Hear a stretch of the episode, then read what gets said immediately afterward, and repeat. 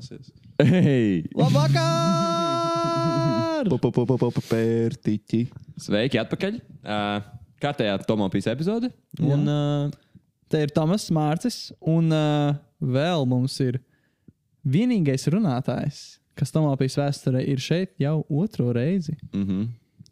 Tā jūs varat izdomāt no 15 uh, vai cik. Vai arī Viesiem. no podkāstu nosaukuma. Tas ir uh, Haralds Šmīts. Uh, sveiks, Harald! Ei, kā iet, Harald? Superīgi. Es dabūju labietu, šādāds labietim. ļoti garšīgs sals. Jā, tev patīk salsras? Jā, ļoti patīkami. Es jau gandrīz esmu pabeidzis. Ir sākums. Mm. tur Būs ir labs podkāsts. Būs labs, jo, būs labs podkāsts. Uh, Šis bija ātrākais um, teikt, atbalstītāju šautauts, kāds man liekas, ir bijis.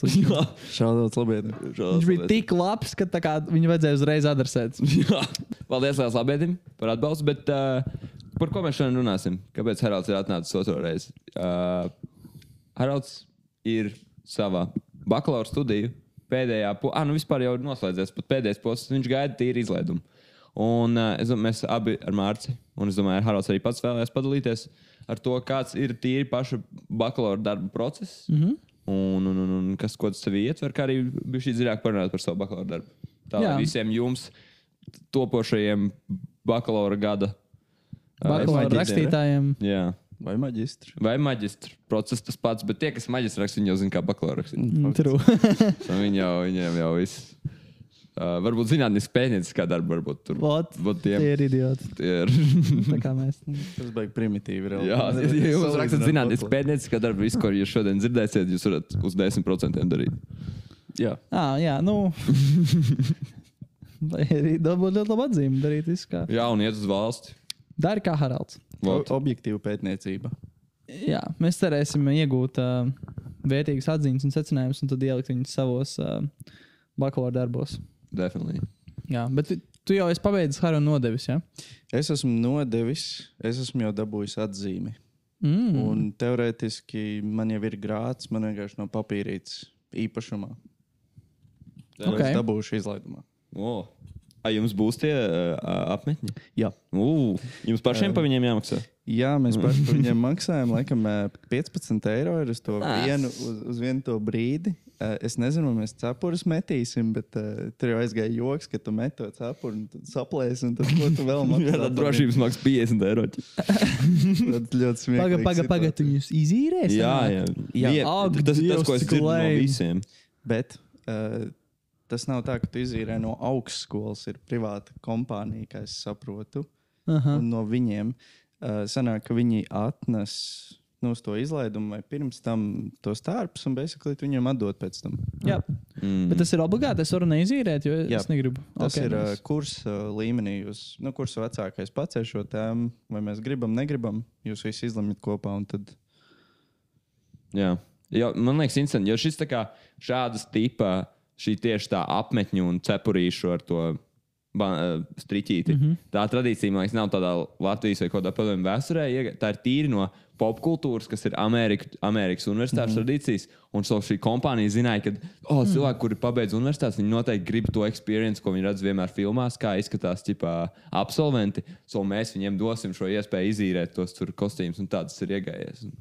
Bet es nezinu, vai tas ir tikai no Amerikas popkultūras. Man liekas, tā ir tāda Eiropas tradīcija arī. Jo visi akadēmiķi jau arī ģērbjās tā, mm. tā kā kaut kādā svinīgos pasākumos. Viņus uzvelk tos kaut kādus. Man liekas, tas nav tik nesens. Tā, nu, tā kā tas, man liekas, Ne-. Latvijā nav ienācis no ASV popkultūras. Man liekas, tas ir arī mm. tāds. Bet ir liela influence tam. Nu, noteikti, jā. Tas noteikti ir tādu savu pievilcīgumu Jā, jā, jā. parādījis tur. Jā. Nu, opšam, interesanti. Bet šaubos viņiem, ka viņi to tādu iespēju. Mm -hmm. Es arī es noteikti, ja pacelšu šo tēmu mūsu kursā, tad es labprāt uz to apmetnīt. Jā, nu, kad man bija iespēja, es arī iedomājos, nu, līdzīgi atcaucoties uz kādām filmām, vai nu, ko tu esi redzējis, tur met. un Tā ir tāda kā, nu, kā tāds rituāls, vai ne? Tu pabeidz, Jā. tu iegūsi to grādu un tu aizmet cepuri. Un, un, eh, kad bija tā pirmā reize, kad jautāja vispār, vai mēs vēlamies, es teicu, jā, nu, tā kā noteikti. Jā, Nē, ir forši, man liekas, visādos tādos rituālos piedalīties, kas ir tādi tradicionāli. Viņi tā kā iezīmē tādu kaut kādu posmu, sākumu, posmu, beigas, un tad tas tā kā ok, no šī brīža es esmu bišķiņš pieaugušāks. Un tad forši, ka tu vari, ok, nogriezt, ok, labi, man tagad ir tā, es esmu tur, ķipa. Var ķerties nākamajam klāt. Mhm, mhm. Jā, es kaut ko ļoti gribēju teikt, aizmirsu. Kādu fucking dēmti. Bet, nu, Jums blīperi. Ah, blūperi. Vai, ne blīperi, tā kā var lamāties. Var lamāties, var bet, ja tu pateiksi jā. kaut ko super, super, kaut ko, kas tev Nu, Tā kā viesuls. Jā, ja kaut kas, ko tu pateiksi, atņems mums nākotnē, varbūt kaut kāda darba iespēja, tad mēs. Uh, mēs viņu savus- izgriezīsim un ieliksim YouTube bez saviem tā kā. Jā, ar mūsu, ar mūsu sejām aizmeklētām, tikai tavs sejas. Hmm. Tas Jā, es, es tikko gribēju jā. kaut ko teikt kontroversiālu, bet es- atturēšos. Nē, nu, Jā, nu. Būs laiks, būs laiks. Jā, uh, Harry, jums notiks lielajā aulā, vai ne? Jā. Kur tas ir? LU, tajā, nu, tajā visslavenākajā ēkā, kas ir pie, Brīvības pieminiekts. pie operas. Nu, jā, Jā, jā, jā. Ok, sapratu. Uh, man likās ļoti interesanti. Es biju okupācijas muzejā, un, uh, un uh, es redzēju bildi, kur Latvijas Universitātes lielajā aulā milzīgi vienkārši nacistu karogi karājas. Un tā kā likās tik reizē, ka tā ir tā pati telpa, bet kā tur vienkārši sapulcējušies visādi SS tur oficieri. Un visi tur nodod savas ru- runas par eigēniku. Un, uh, Jā, jā. Nu, ir ļoti traki. Tā ir tā pati vieta. Hmm. Liek pārdomāt studiju izvēli. Vismaz jā. universitātes. Jā, Nu, tajā laikā vienkārši tā bija krūtākā vieta tādai sapulcē. laikam. jā nu, protams, jā. Nav jau tā, jau tā, ka Latvijas universitāte. Visi tur ir, tur ir, bet moši tur ir vispār kaut kāda slepenā vēl joprojām. Latvijas neonācis sekta LU. Ā, nu, neonacis. jā, es zinu. Jau palikušie vecie. Pieklāvē trīs reizes pareizajā vietā un dabūs noslēpums. Jā, Tam Indričs mūžnieks atnāks pretī. ķip. jā. jā. Tā kā man stāstīja, ka katrā kārtīgā iestādē ir pirts kaut kur noslēpta. Jā, starp citu, kultūras akadēmiskajā zirgu pastā ir pagrabā pirts. jā, jā. Nevar būt. Jā, jā viņiem tā ir. Viņiem Tur ir tā kā pirtī ir jābūt. pirti ir jābūt. Man liekas, tā ir tā viena no tā nav piselīga lieta, ko instalēt kaut kādā lielā Jā, ēkā. beidz tev vajag skursteni. Jā, Labi, nē, skursteņi jau ir lielākoties visur. Tā, nu, vecajās ēkās. Bet jā, mit, mitrumu novadīšana, viss tas. Tagad tu ej izvēlējies tipu fakultāti un skaties, vai tur ir pirts vai nav pirts. Ja ir pirts, tu vari ņemt. Ja nav pirts, nebūs. Jā, Dealbreakers. Mm. So, um, Harald, par ko tu rakstīji savu darbu? Un kā tev radās iedvesma par šo tēmu rakstīt? Vai vispār kā, tiem, kas varbūt nav dzirdējuši pirmo epizodi, ko tu studēji šos trīs gadus? Jā, Jā. jā. Okay. Uh, es studēju Latvijas Universitātē psiholoģiju, bakalaura līmenī. Un es rakstu, nu, ir, ir grūti paskaidrot, neie- neieejot detaļās, bet basically es uh, pētīju, kā, cilvēkus, kā cilvēkiem likt piekrist uh, tam, ko es prasu. Un to var izmantot jebkurš, pielietojot tādu specifisku metodi, par ko mēs nu, parunāsim vēlāk. Uh, bet īsumā es pētīju pakļāvību. Un mm -hmm. Tas iziet ar tādu sociālo ietekmi, manipulācijas prizmu, kā likt cilvēkiem darīt nu, to, ko tu gribi, lai viņi dara. Uh, motivācija radās. Um, Pirms bakalaura darba ir kursa darbs jāraksta. Un kursa darbs ir uh, basically treniņš bakalaura darbam. Tas ir literatūras apskats bez empiriskās daļas. Mm -hmm. Un Empiriskā daļa ir kas? Praktiskā daļa. Praktiskā daļa. Empiriskā ir praktiskā daļa. Ah, tur, ok. tur tu veic kaut ko, pēti, mm -hmm. mēri, whatever. Uh, kursa darbs tikai basically teorētiskā daļa. Tu savāc nenormāli daudz avotus, tu pēti kaut kādu lietu un atbildi ar avotiem. Nu, tā kā mm. tu pats neko praktiski nedari. Jā, jā. Un uh, kursa darbā bija tā pirmā izvēle, kas ir jāņem. Nu, jāpieņem, jo pēc tam tu vari izmantot to kursu darbu bakalaura darbam, bet ne vairāk kā tur 10% no teksta. Un ir ļoti wise uh, savienot kursa darbu ar bakalaura darbu. Nu, no vienas puses, tu jau pēti to tēmu, kaut cik tu iedziļinies. Mm -hmm. Tu arī vari izmantot to informāciju. Uh, bet vissvarīgāk, tu tajā brīdī jau nostabilizē, kurā jomā tu vēlies nu, virzīties. Jo, teiksim, psiholoģija ir nenormāli milzīga. Uh, organizācija psihologi, kur skatās darbu, militārie psihologi, uh, juridiskie psihologi, ir visādas patopsiholoģijas, un jau, nu, kur strādā cilvēkiem, kuriem ir specifiski traucējumi, tur schizofrēnija, depresija un tā tālāk. Un es specifiski izvēlējos uh, sociālo psiholoģiju, kas ir vienkārši kā cilvēks savā darbā savā starpā miedarbojas. Nu, tad es izvēlējos pētīt uh, dzimuma atšķirības sociālos ietekmes mehānismos. Dzimuma atšķirības sociālās ietekmes mehānismos. Jā, līdzīgi tas par pakļāvību skaitās kā sociālās ietekmes mehānisms, metode. Un es vēlējos skatīties, vai šādās metodēs, ko izmanto, ir kaut kādas dzimuma atšķirības, respektīvi, vai sievietes ir pakļāvīgākas nekā vīrieši, vai otrādi. Mhm. Un eh, tā iedvesma man radās no pētījuma, ko es replicēju bakalaura darbā. Jo bija ļoti daudz sievietes, man liekas, ja ir vairāk sievietes, tad būs lielāka pakļāvība. Nu, ka sievietes ir pakļāvīgākas. Uh, Tas bija findings, ko tu ieguvi kursa darbā, vai Eh, Tas bija mans mērķis, ko es izvirzīju.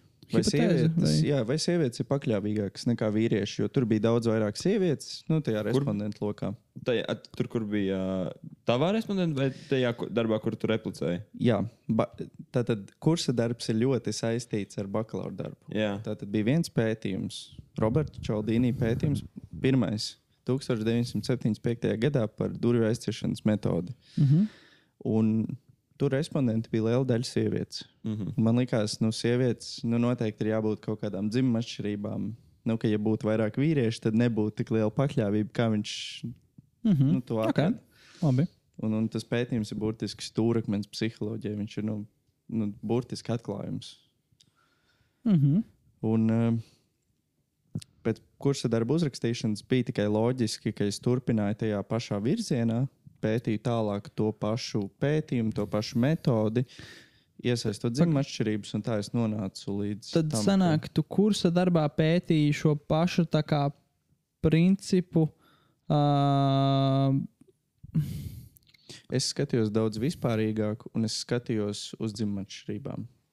Dzimuma atšķirības kādā Jā, vari- konkrēti, kuru dzimuma atšķirības, kā, kādā situācijā vai, pastāstīt dziļāk par šo, par šo pašu Uh, pētījumu? jā, nē, tur. Nu, tas nav pētījums, jo tur es tikai apskatīju literatūru. Un tur ir visādi jā. nu, dažādi pētījumi. Review artikls. sanāk. Jā, jā, jā. Es skatījos vispārīgi. Un uh, specifiski vienkārši uz pakļāvību, kur ir pakļāvīgāki, kur ir uh, gatavāki kaut ko izdarīt. Uh, Respektīvi, Nu, pakļauties. literatūru, kur ir daudz dažādi eksperimenti un daudz dažādi principi, un kur un tu skaties šajos dažādos eksperimentos, kur ir pakļāvīgāki no abiem dzimumiem. jā, un iedziļinoties arī vairāk evolūcionārajā psiholoģijā, kā skaidrojumā, mm -hmm. nu, tad, tas tā kā nav tik ļoti specifisks, tas tā, nu, tā vispārīgāk skatoties. Jo uh, sociālā ietekme un sociālā psiholoģija ir uh, principā pakļāvība. Kā tu pakļaujies sociālām normām, vai kā tu pakļaujies citam cilvēkam, grupām. Okay, to tā var nolikt. Jā, pieņem lēmumus kaut kādā specifisko, kādos specifiskos apstākļos. Un man interesē, vai ir kaut kādas atšķirības starp uh, nu, sievietēm un vīriešiem. Okay. Un, uh, Nice. Jā. Ļoti aktuāli mūsdienās. Jā, un tad es aizgāju vienkārši. Pa, nu, tas pētījums, kas man iedo, iedvesmoja veikt kursa darbu, es izdomāju viņu replicēt. Ok, so tu kurš darbā izpētīji daudz dažādus tos uh, citus pētījumus, un tad bakalaura darbā tu um, fokusējies uz vienu specifisku eksperimentu. Jā, Okay. Tad, to, to eksperimentu, kas man iedvesmoja vispār uh, nu, kursa darbu pētīt. Mhm. Ok, Super. skaidrs. Un Kas, kurš, Tēma nolikta. tēma no, bet, tā, kas, kurš tieši uh, eksperiments šis bija no tiem, kurus tu pētīji? Bet te jau mēs ievirzīsimies uh, jau, jau manā bakalaura darbā. Nu, jā, nu, fuck it, freestyle. Segvējas uzreiz. Jā, nu, Labi. Jā. Visādi. Ir 1975. gads. Roberts Čaldīnī, psihologs, Kura valsts? ASV. Ok, labi. ASV. Viņš ir iedvesmojies no uh, citiem pētniekiem, no Friedmana un vēl kaut, kā, uh, vēl kaut ko par uh, kāju durvju spraugā metodi. Mhm. Un tās princips ir, ka ir iespējams cilvēkam likt piekrist prasībai, ja tu sākumā pajautā kaut ko ļoti, ļoti minimālu. Nu, tā ka pilnīgi viņam neko neprasīs nekādus resursus, un tad pajautāt kritisko prasību, jeb to, ko tu vēlēsies pajautāt. Un, uh, viņi nonāca pie secinājuma, ka, ja tu izmanto šādu metodi, tev var dabūt lielāku pakļāvību nekā vienkārši pajautājot jautājumu. Jeb to kritisko prasību, to, ko mm -hmm. tu vēlēsies. Laikam jādod piemērs. Mm -hmm. Ja tu gribētu, nezinu, tur, lai tev nomazgā mašīnu, tur varētu pajautāt, uh, nezinu, tur kaimiņam, vai, viņš, vai tu vari izmantot viņa ūdeni. Viņš piekrīt, un tad pajautā, vai viņš arī var nomazgāt mašīnu. Un, ja tu izmanto šādu metodi, tad ir iespējams iegūt lielāku pakļāvību nekā vienkārši pajautājot kaimiņam, lai viņš nomazgā mašīnu. Viņš mm. visticamākais pateiks, nē, viņš ir. Kāpēc lai mazgā tā mašīna? Okay. Un Roberts Čaldīnī, nu jā, es nezinu, ko viņš domāja, kā gāja, bet uh, viņš izvirzīja tādu hipotēzi, ka ir iespējams iegūt šādu līdzīgu pakļāvību, ja tu sākumā pajautā kaut ko nenormāli ekstrēmu, un tad kritisko mm -hmm. prasību. Tu principā ap, apmet kājām gaisā. To. Jā. Mm -hmm. Nu, ar to pašu piemēru būtu, es nezinu, ka tu pajautā kaimiņam aizdot viņa mašīnu uz tur septiņām dienām vai vairāk, nu, 14 dienām. Un tad uh, tu pajautā viņam, vai viņš var nomazgāt nu, mašīnu. Jā, Jo, principā, sākumā viņš pasaka, nu, nē, kāds sakars, kāpēc tev atdot savu Jā. mašīnu, bet pēc tam, Tipo, ah, nu vismaz nomazgās. Jā. nu, labi. Labi, es nomazgāju. ok. Uh, jā, un uh, So, Čaldīni iz- izvirzīja šādu hipotēzi, jā, un tad viņš veica eksperimentu. viņš veica eksperimentu ASV ar trīs. Uh, Nu, tātad vi- viņam bija viens pētījums, bet trīs eksperimenti. Mm -hmm. Tātad trīs dažādas izlases ar cilvēkiem, trīs dažādi nosacījumi, kā viņš to pētīja. Un rezultāti, pie kāda viņš nonāca, ka viņš tātad izvirzīja trīs grupas. Mm -hmm. Viena ir eksperimentālā grupa, kur tiek pielietot šī metode. Es līdz pastāstīšu, nu, mazliet sīkāk, kas un kā. Un uh, divas kontrolas grupas, kur uh, kontrolas grupa vienkārši nozīmē, ka viņš tāpat pajautā, nu, be- bez jebkādas manipulācijas, bez jebkādām citām nu, lietām. Mm -hmm. Un rezultāti bija tādi, ka izmantojot durvju aizciršanas metodi, viņa trešajā eksperimentā pakļāvība bija 54%. Tas ir uh, manipulācijas grupā. Okay. Jā. Un Labi, pakļāvība ir ā, piekrišana prasībai. Mm. -hmm. Piekrišana prasībai. Pakļāvība. Piekrišana nomazgāt mašīnu. Jā, tu esi paprasījuši, vai divas nedēļas. Okay. Es saku pakļāvību, jo tas ir. Nu, vi- viņš saka, ka piekrīt, bet nu, vienkārši termins, lai man būtu vieglāk. Mm -hmm. Um, tātad manipulācijas grupā ar metodi bija 54,1% un kontrolas grupās 33,3% abās. okay. Tātad uh, bija, ievā, bija novērojams, ka uz 22% vairāk cilvēku pakļaujas, ja tiek izmantot tā metode. Mhm. Un pēc nu, loģiski statistiskās analīzes tur ir statistiski nozīmīgas atšķirības starp tām grupām. Bija gana liela tā grupa pēc nu, respondentu. Jā. Cik apmēram cilvēku tur bija? Uh, vajadzētu būt aptuveni kopā ar 400 respondentiem. Aptuveni, nu tā, Mm -hmm. kur 75% bija sievietes. Mhm. Un šeit jau saslēdzas, kāpēc es kursa darbā pētīju dzimuma atšķirības, lai, jo, jo te bija 75%, 25% bija tikai vīrieši. Un, un ir pieņēmums, ka vīrieši ieņem augstākas pozīcijas, viņi ir līderi un tā tālāk. Un es vēlējos skatīties, vai pētījumi var apliecināt šo pašu.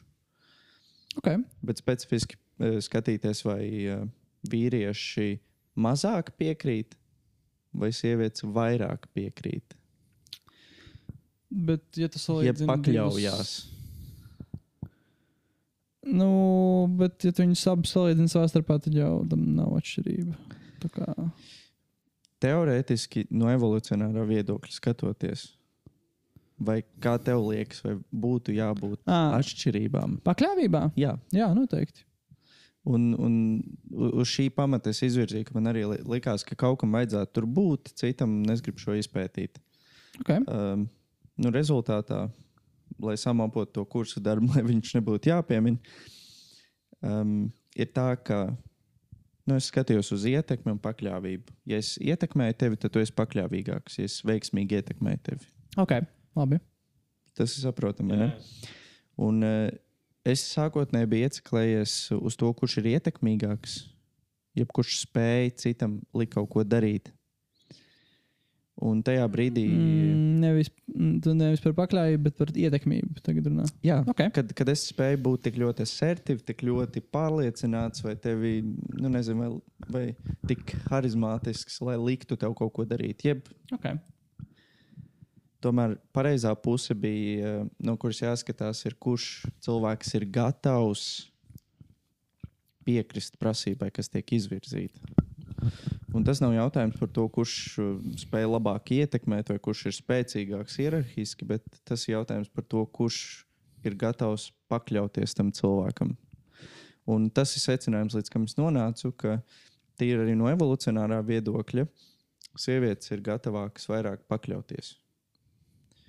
Un, ja, ja mēs padomājam nu, tā ļoti vulgāri uz nenormāli tur tālu atpakaļ, ka, teiksim, kad uh, vīrieši bija tur uh, mednieki, viņi gāja pakaļ tur lauvām un tā tālāk. Mm. -hmm. Viņi aizsargāja, un viņi gāja prom, tad uh, sievietes palika mājās. Viņas tā kā tādā ziņā tur jau bija izveidojusies hierarhija, ka vīrietis ir svarīgāks aizsardzībai, bet sieviete svarīgāk turpināt darīt Okay. darīt lietas mājās, tur, es ne, nezinu, foraģot uh, ogas, bet vissvarīgākais - turpināt savu bloodline, turpināt savu. Okay. Labi. labi. Tad, Un, un tajā brīdī izveidojas kaut kādas lomas, kas arī, manuprāt, turpinās vēl mūsdienās. Un tajā brīdī mums ir iespējams redzēt, kāpēc ir tāda atšķirība, ka vīrieši ir līderu pozīcijās, un viņi, viņi tiek interpretēti kā ietekmīgāki. Vai kāpēc sievietes eh, piekrīt kaut kādam, nezinu, nu, neatbilstošam, neatbilstošai algai darbā, kuru, eh, kas viņu apmierina? jā, nu, tā noteikti ir ļoti uh, ticama hipotēze. Liekas, tā, nu. Bet man liekas, smieklīgi kopumā tā evolūcionārā psiholoģija, jo nu, mēs varam tikai hipotēzes izteikt. Manuprāt, viss, ko mēs pateiksim, vienmēr būs taisnība. nu, tādā ziņā, ka tu vari pagriezt to un tad nu, būs. Nu, tu nevari īsti Ā, tā ir, respektīvi, tik daudz pretrunīgi dati. Nu, nu, es, es, es pat godīgi sakot, nezinu, kā evolūcionārie psihologi pēta visu šo.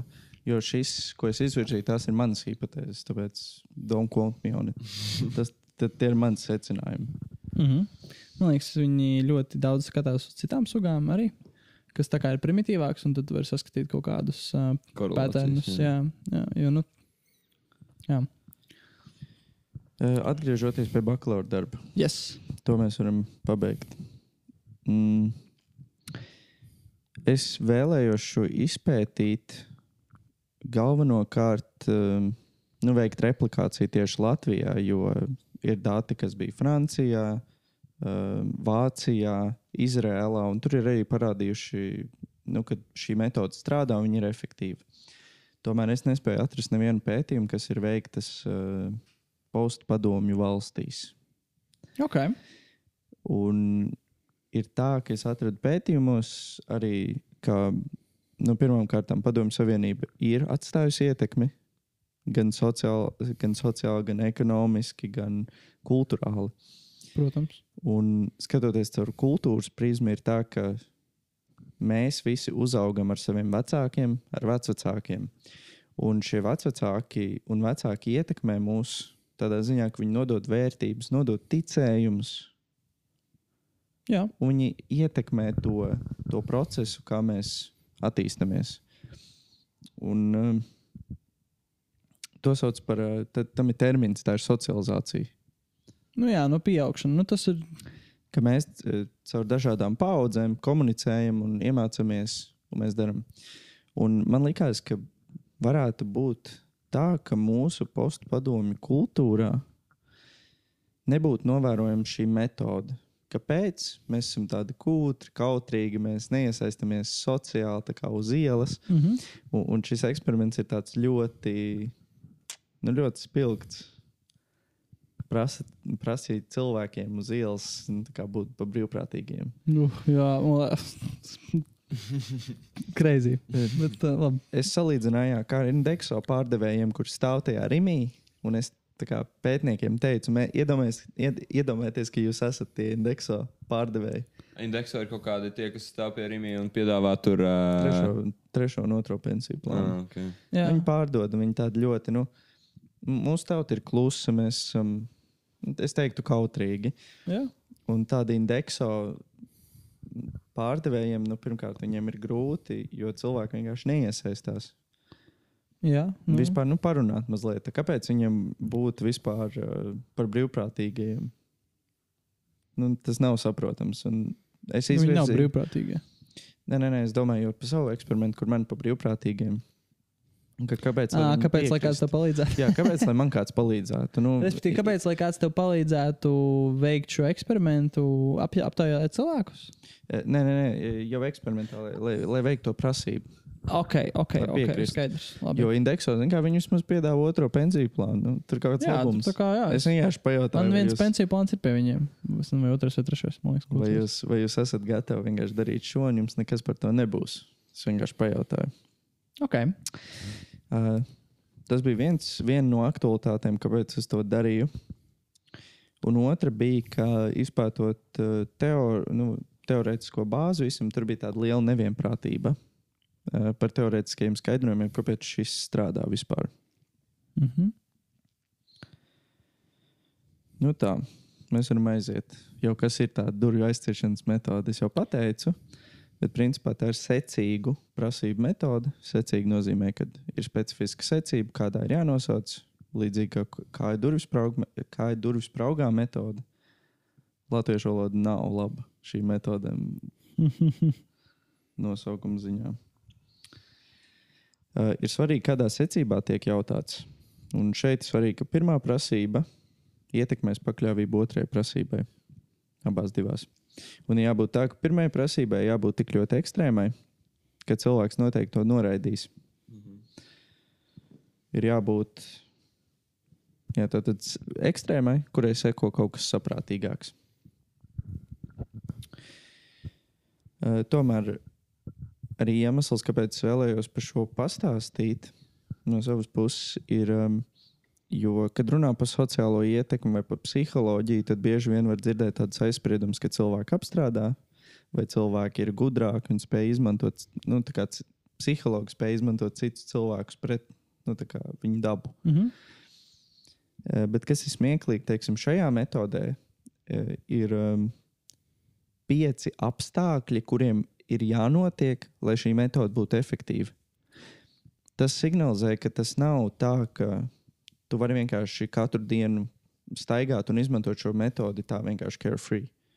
Viņi potenciāli nestrādās. Ir apstākļi, kuros ir simtprocentīgi, ka viņi strādā un viņam būtu jāstrādā. Bet, ja nav tie apstākļi, tad tā metode nav īsti izmantojama tik vienkārši. Un pakļāvība nav tik eh, novērojama tik lielās uh, procentilēs. Nu, jā, I mean, man liekas, tas tā ar jebkādu manipulācijas vai jebkādu, man liekas, metodi, jebkur, ka tev vajag kaut kādus preconditions, lai kaut kas izpildītu. Nu, labi. Nu, es lasīju, es nezinu, vai jūs zināt, to Henriku Felksovs vai, vai kā viņš. Nē, Gan jau, ka nē, jā. Mm, Tad tāds bija mans pirmais iespējas, ka es domāju par psiholoģiju un sociālo ietekmi. Kad nu, tas ir tāds, tu zini kaut kādas metodes no sērijas iz, izlases 50, tu- tie laws of power. Mm. Un viss tas ietekmīgākais, spēcīgākais cilvēks pasaulē. Mhm. Bet, ja šis te pick-up artists. Jā, Learn this one trick and any girl will fall for you. jā exactly. Jā.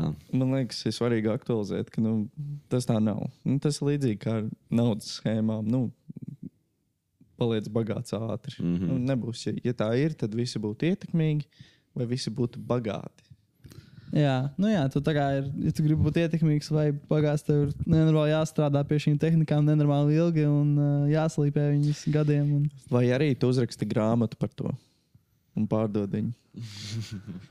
Stil, tev noteikti ir jāstrādā gadiem un gadiem, lai tu rakstītu to grāmatu.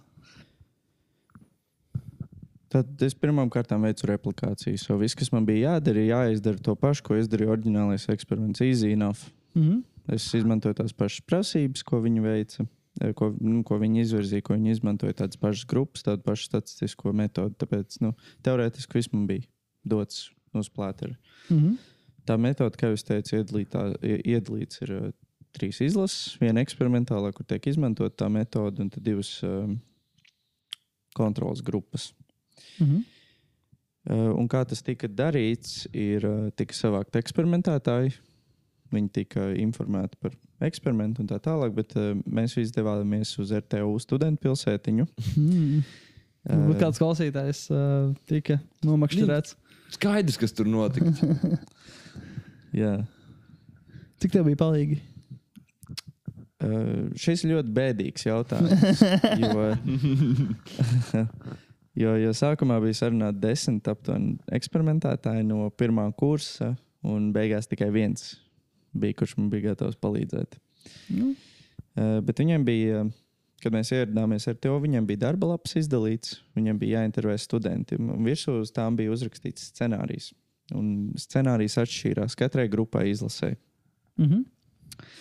Tātad eh, tajā manipulācijas grupā, jeb eksperimentālajā grupā, viņi sākotnēji pajautāja cilvēkiem, vai viņi būtu gatavi uz diviem gadiem, vismaz divas stundas nedēļā, būt, būt par brīvprātīgajiem bērniem ar uzvedības problēmām. mm -hmm. so, respektīvi, tu prosti ej no lekcijām, RTO, tad tūlīt datorika sāksies pēc, die- Mhm. pēc 15 minūtēm, un tev pienāk fujaks klāt un prasa. Sveiki, jā, jūs esat būtu gatavs mazliet aprunāties. Un tad viņš paprasa tev, vai tu- jūs, nu, respektīvi, to, ko tu tikko teici. Jā, Jā. tā. tā. Mhm. Un, eh, tā kā tā ir secīga prasība metode, ir nepieciešams, ka pēc tam seko tā kritiskā prasība, ko es patiesībā gribu nu, pajautāt, kur es gribu iegūt Jā, piekrišanu. Un eh, tā skanēja tā, ka eh, vai viņi būtu gatavi divu stundu braucienam uz zoodārzu vienu vakarpusi vai pēcpusdienu. ar šiem eh, te jauniešiem, Jā, ar kas slikti jauniešiem. uzvedās. Un, kā atšķirās, ir, ka pirmā prasība ir divi gadi, divas stundas nedēļā, un šeit ir viena diena uz divām stundām. Hei, nav tik traki. Jā. Pēc tam, kad es dzirdēju, ka tev divus gadus ar uh, mazgadīgiem narkomāniem jā, jā, jātasē. Jā.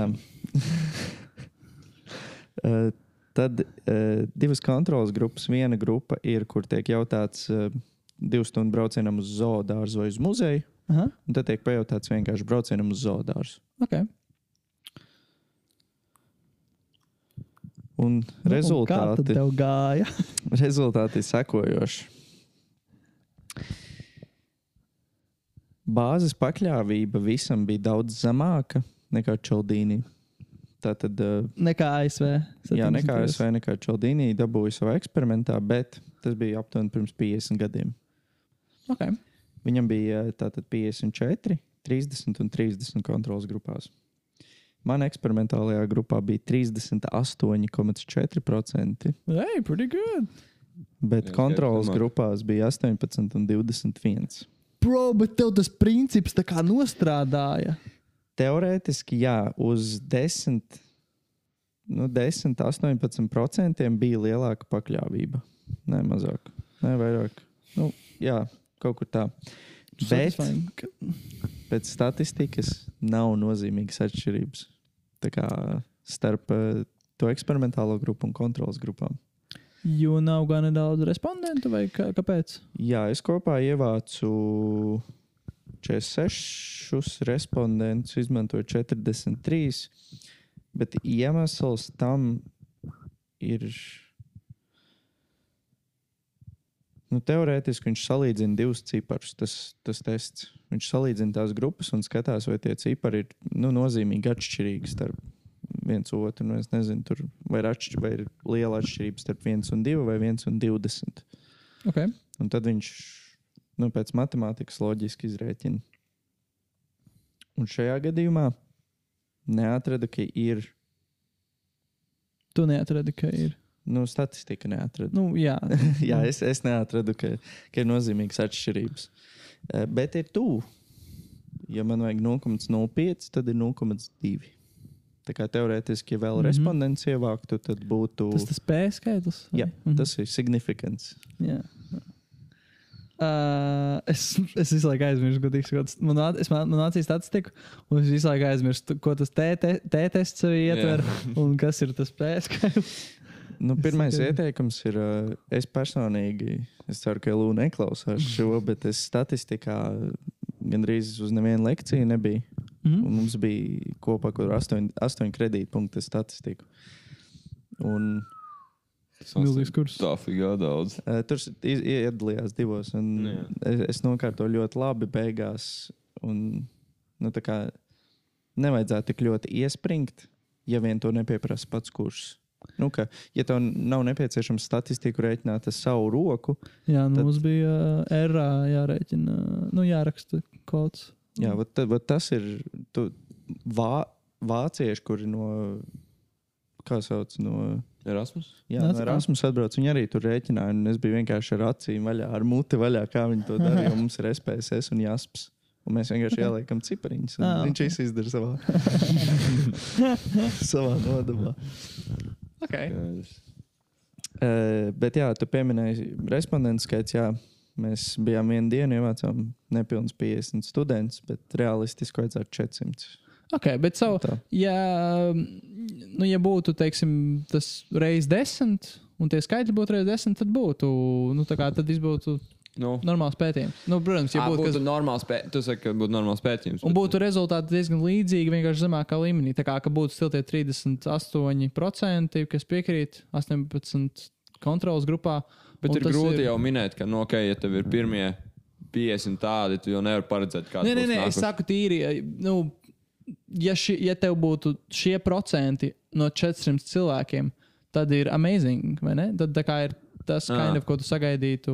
Nu, labi, nu, tas nav tik svarīgi. Nu, mans darba vadītājs uzskata, ka mēs atrastu tādus pašus nu, ciparus, bet vienkārši vajadzētu lielākus respondentu skaitu. Nu, jā, Jo- jā, jo- lai būtu. Tas ir, izņem arī tos outlierus, tie, kuri Mm. mm. hroniski nepiekrīt, vai tie, kuri hroniski piekrīt. Mm. Mm. Nu, tur arī ir tā, tā ir basically bela līkne, Mm. kur, kur uh, nu, jo mazāk cilvēku, ir iespēja, ka, nu, kā augums, piemēram, vidējais ir 1,80 m, bet ir cilvēki, kuriem ir 1,50 m, tur ir cilvēki, kuriem ir 2 plus metri.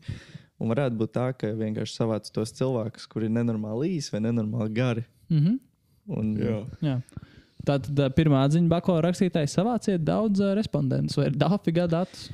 Nu, jā, šis ir.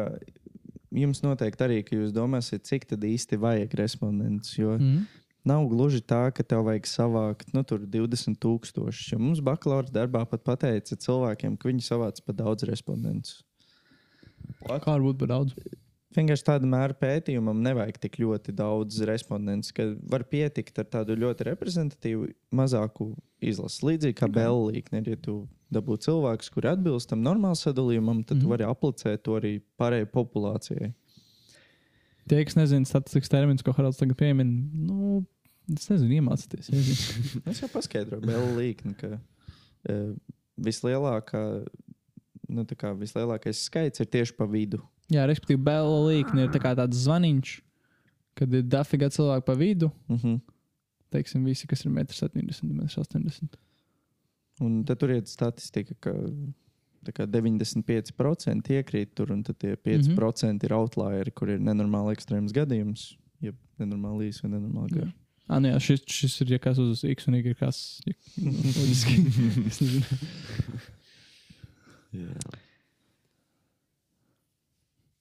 Jā, eh, tas, ko es gribēju teikt, ka noteikti sekot metodiskajos norādījumos, metodiskie norādījumi ir divs. Jo tas ir viss pēc kā jūs vispār vērtēsiet universitātē, vai kur tur arī pasaka, principā, cik grupā vajag būt minimāliem respondentiem. Un tad no minimāliem kā sakot uz priekšu. Ideālais variants būtu, es nezinu, nu, manā gadījumā, teiksim, būtu nolikt kaut kādas 18 dienas, 400 respondenti.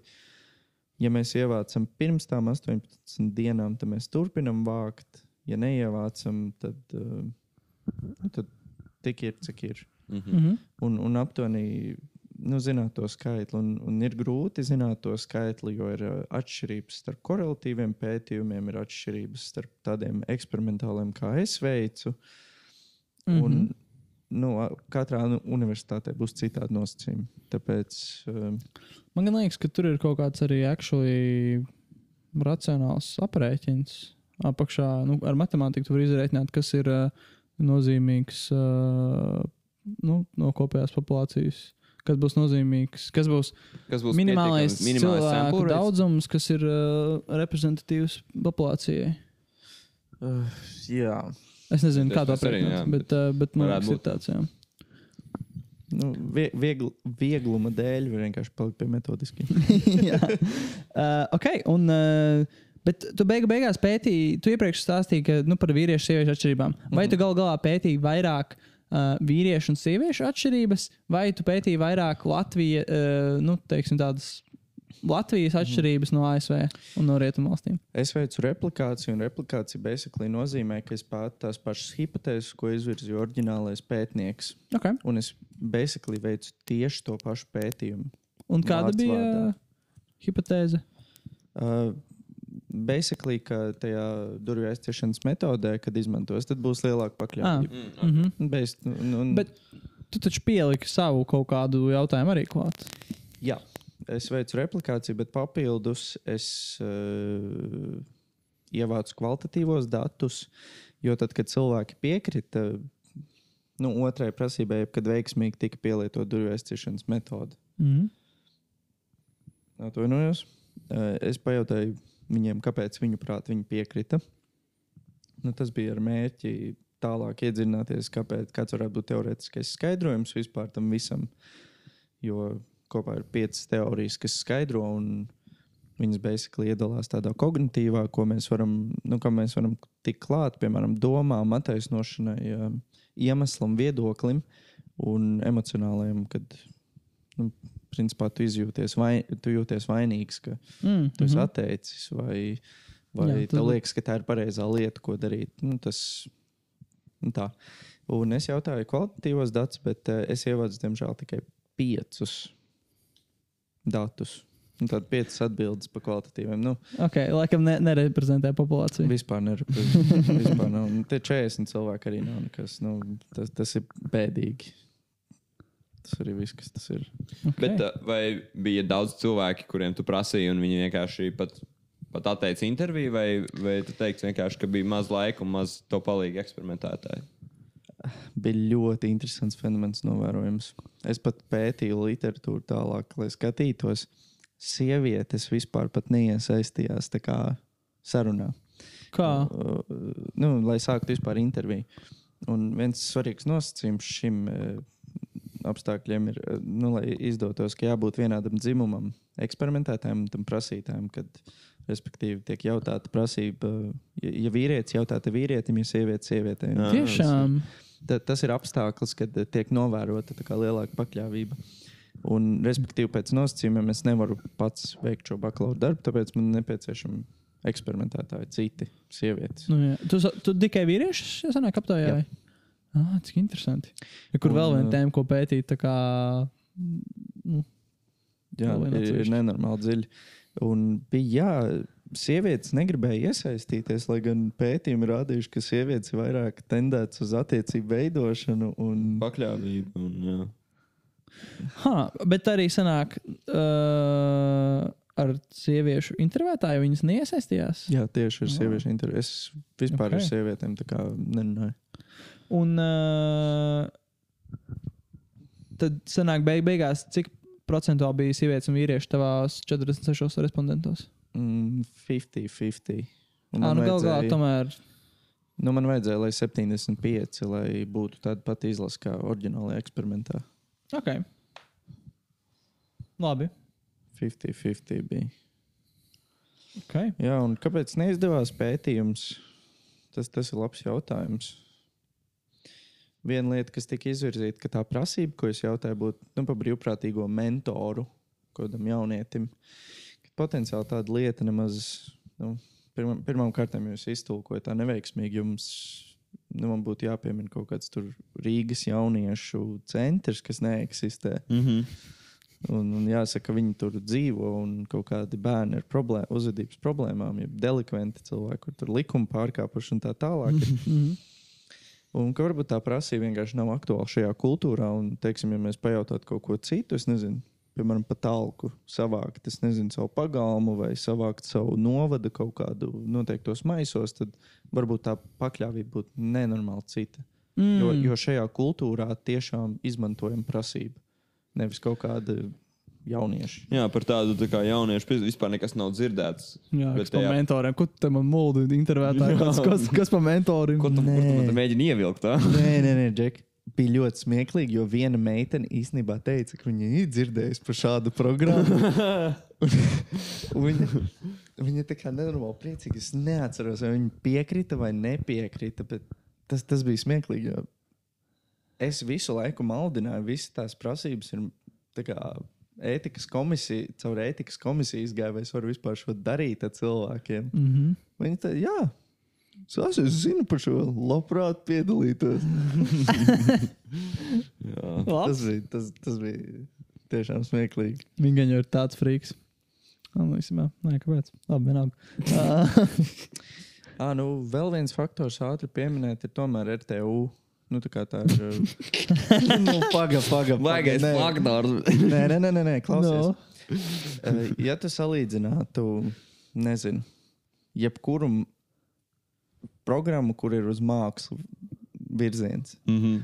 un salīdzinātu arhitektus, kā tev liekas, tur nebūtu kaut kādas Nē. speciālas. Labi, arhitekti vēl ir salīdzināmi. Arhitekti ir visi Programmētāji un mākslinieki. Vot.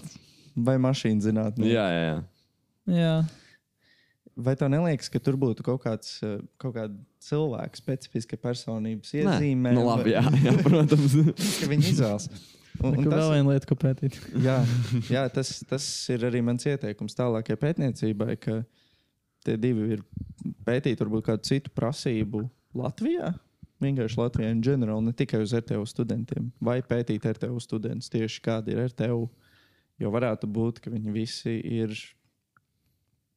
introverti, nav atvērti, pieredzēji, mm. -hmm. neirotiski. Nu, jā, nu, ja tā, tā vir, virspusēji skatītos, nu, ne virspusēji, bet tā vidēji skatītos, var, man liekas, pieņemt tādu secinājumu, ka cilvēki, kur iet uz mācībām, kas ir saistītas ar tehniskām lietām, tīri čipa, tur rēķināt datus, maukt, ir parasti korelējas ar cilvēkiem, kur ir vairāk introverti un vairāk uz tādām. Uh, kuriem, jā, ja tu pajautās, hei, vai vēlēsies, lai tevi intervētu, tad pagaidi, jāiet. Jā, jā nu, plus mīnus noteikti. Jā. Un Tas arī ir pierādīts nu, pētījumos, ka nu, ir. Es nezinu, vai karjerā, karjeras konsultācijā izmanto tos pētījumus, ir kā tev personība tādā tev jomā jāiet.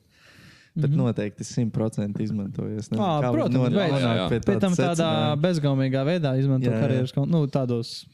Ļoti Kā, kā skolā to dara. Ir tā kā tāds ļoti pastāsts uz tevi, kā uz ko- koku kults ar kaut kādām dažām īpašībām, un tad, ah, nu, mūziķis, muzikants. Tā kā Tas, tas ir ļoti sevi, bet, ko tu saki, Tomas, tas ir. Jā. Ok. Tātad gala secinājumi, Harald.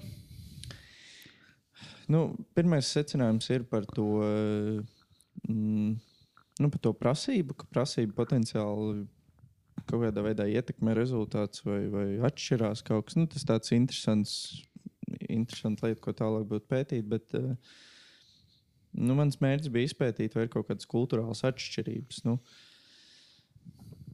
Diemžēl es nevaru vispār nonākt pie lieliem secinājumiem, ir tik ļoti maziņa. Mm -hmm. Nu, tā kā viss, ko es saku, ir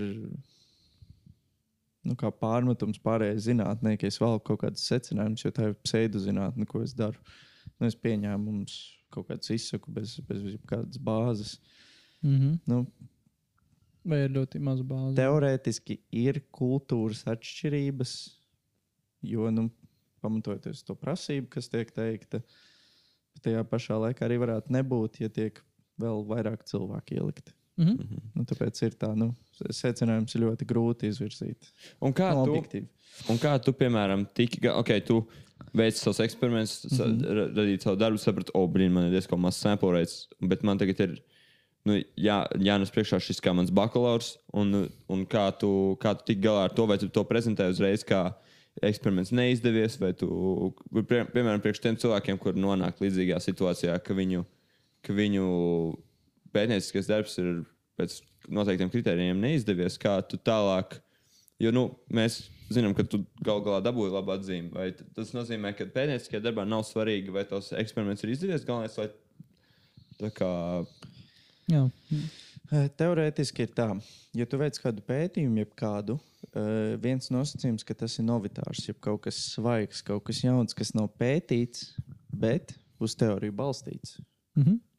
Nu, pieņēmums, es nezinu, kaut kas. Um, Kaut kādas saistības personības iezīmēm un RTU, piemēram, nu, ir zināms, ka ir, ir, ir var prognozēt, kādi studenti ar personības iezīmēm ies uz RTU, bet tiešām nu, skatīties tieši to sample size. Mhm.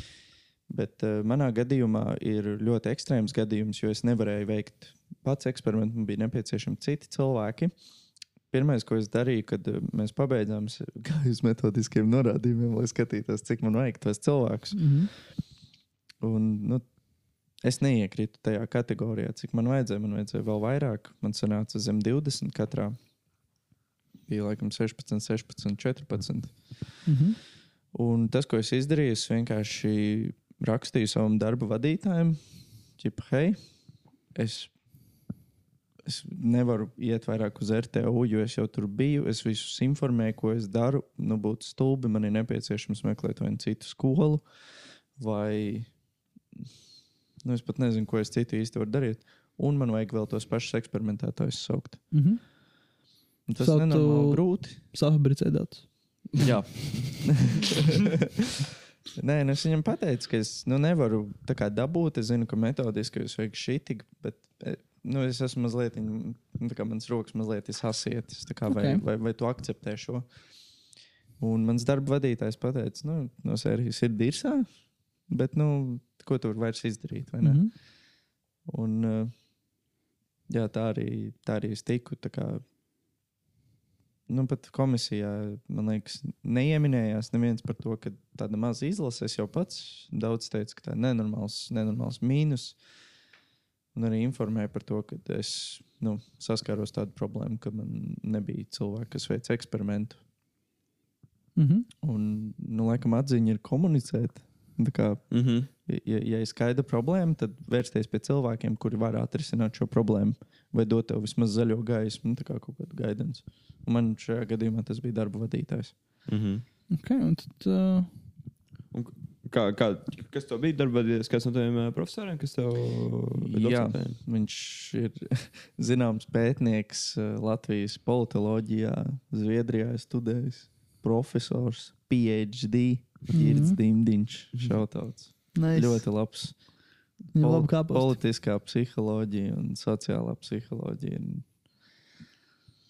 Ļoti jauks cilvēks. Viņš, viņš ļoti maigi man spēja pateikt, ka man bakalaura darbs sūkā, tad, kad viņš sūkāja.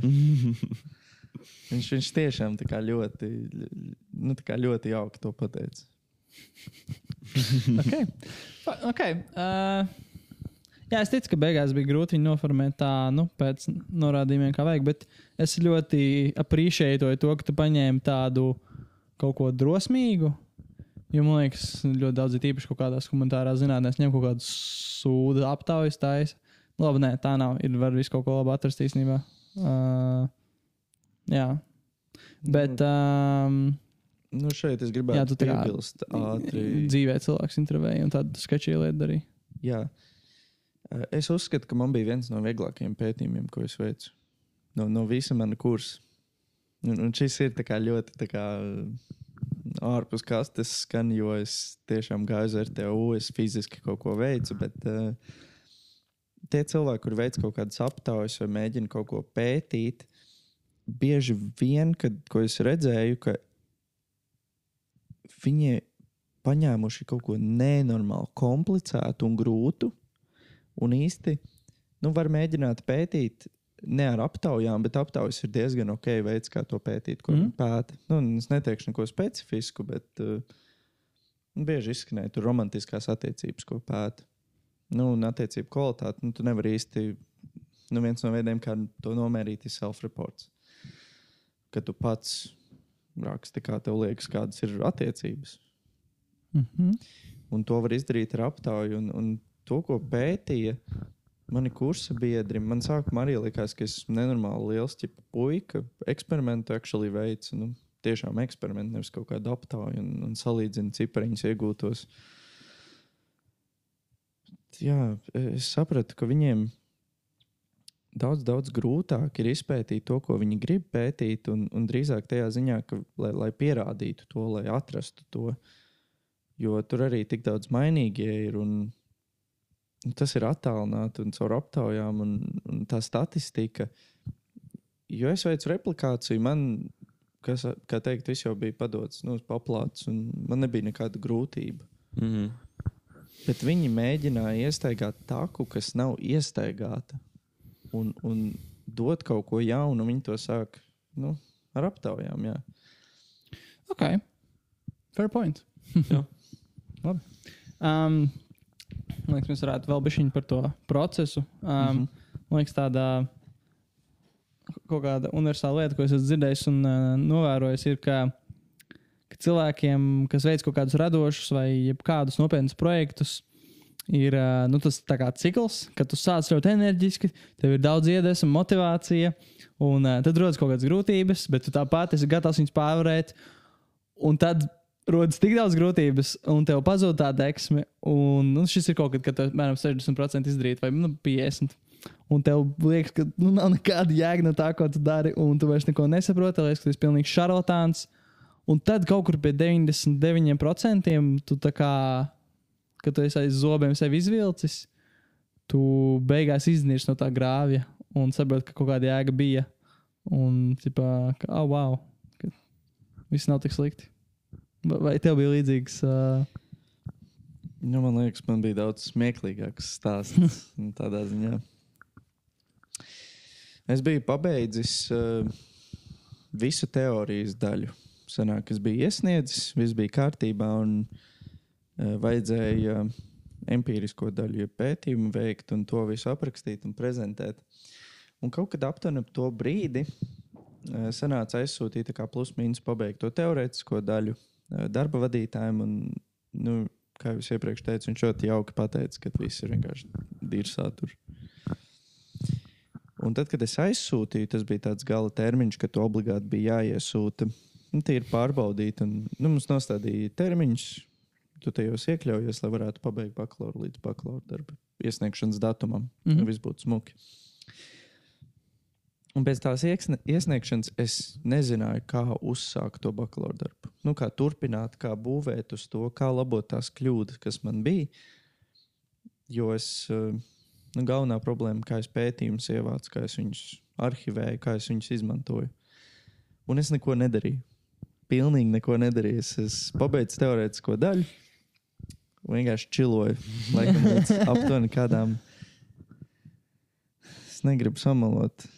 Nedēļa liekas pa maz, divas nedēļas, trīs pa daudz. Laikam kādas divas nedēļas pirms iesniegšanas es sāku rakstīt. Bet sāku rakstīt tā, ka es um, basically visu teorētisko daļu, visu pētījumu, kas man bija, kas bija aptuveni kaut kur um, 60 pētījumi, es viņus visus pārlasīju. Smuki uzrakst, kā tos not, galvenos tos uh, atziņas, tā tālāk. Un, uh, pamatojoties uz to, kas man bija teorētiskajā daļā, es sāku būvēt no pilnīgi nulles. Bet man jau tur bija smuki vārdiņi, sarakstīti teikumi. Un uh, tad tas gājiens pagaidām izskatījās tā, ka es nu, biju priecīgs sarakstīt to bakalaura darbu, un tad nokritu līdz pilnīgai nulai. Un sāku viņu rakstīt pilnīgi no sākuma. Bet, uh, kad es viņu sāku rakstīt, man ļoti labi aizgāja, jo es visu zināju. Mhm. Man viss bija galvā, es tikko biju uzrakstījis teorijas daļu. Es varu diskusijā un secinājumos atsaukties uz to, jo es tikko izdarīju, nevis nezinu, pēdējā kursa sākumā. Mhm. Okay. Ah, Un tad, nu tas kā savā ziņā labi, bet es druskuļi pa vēlu sāku.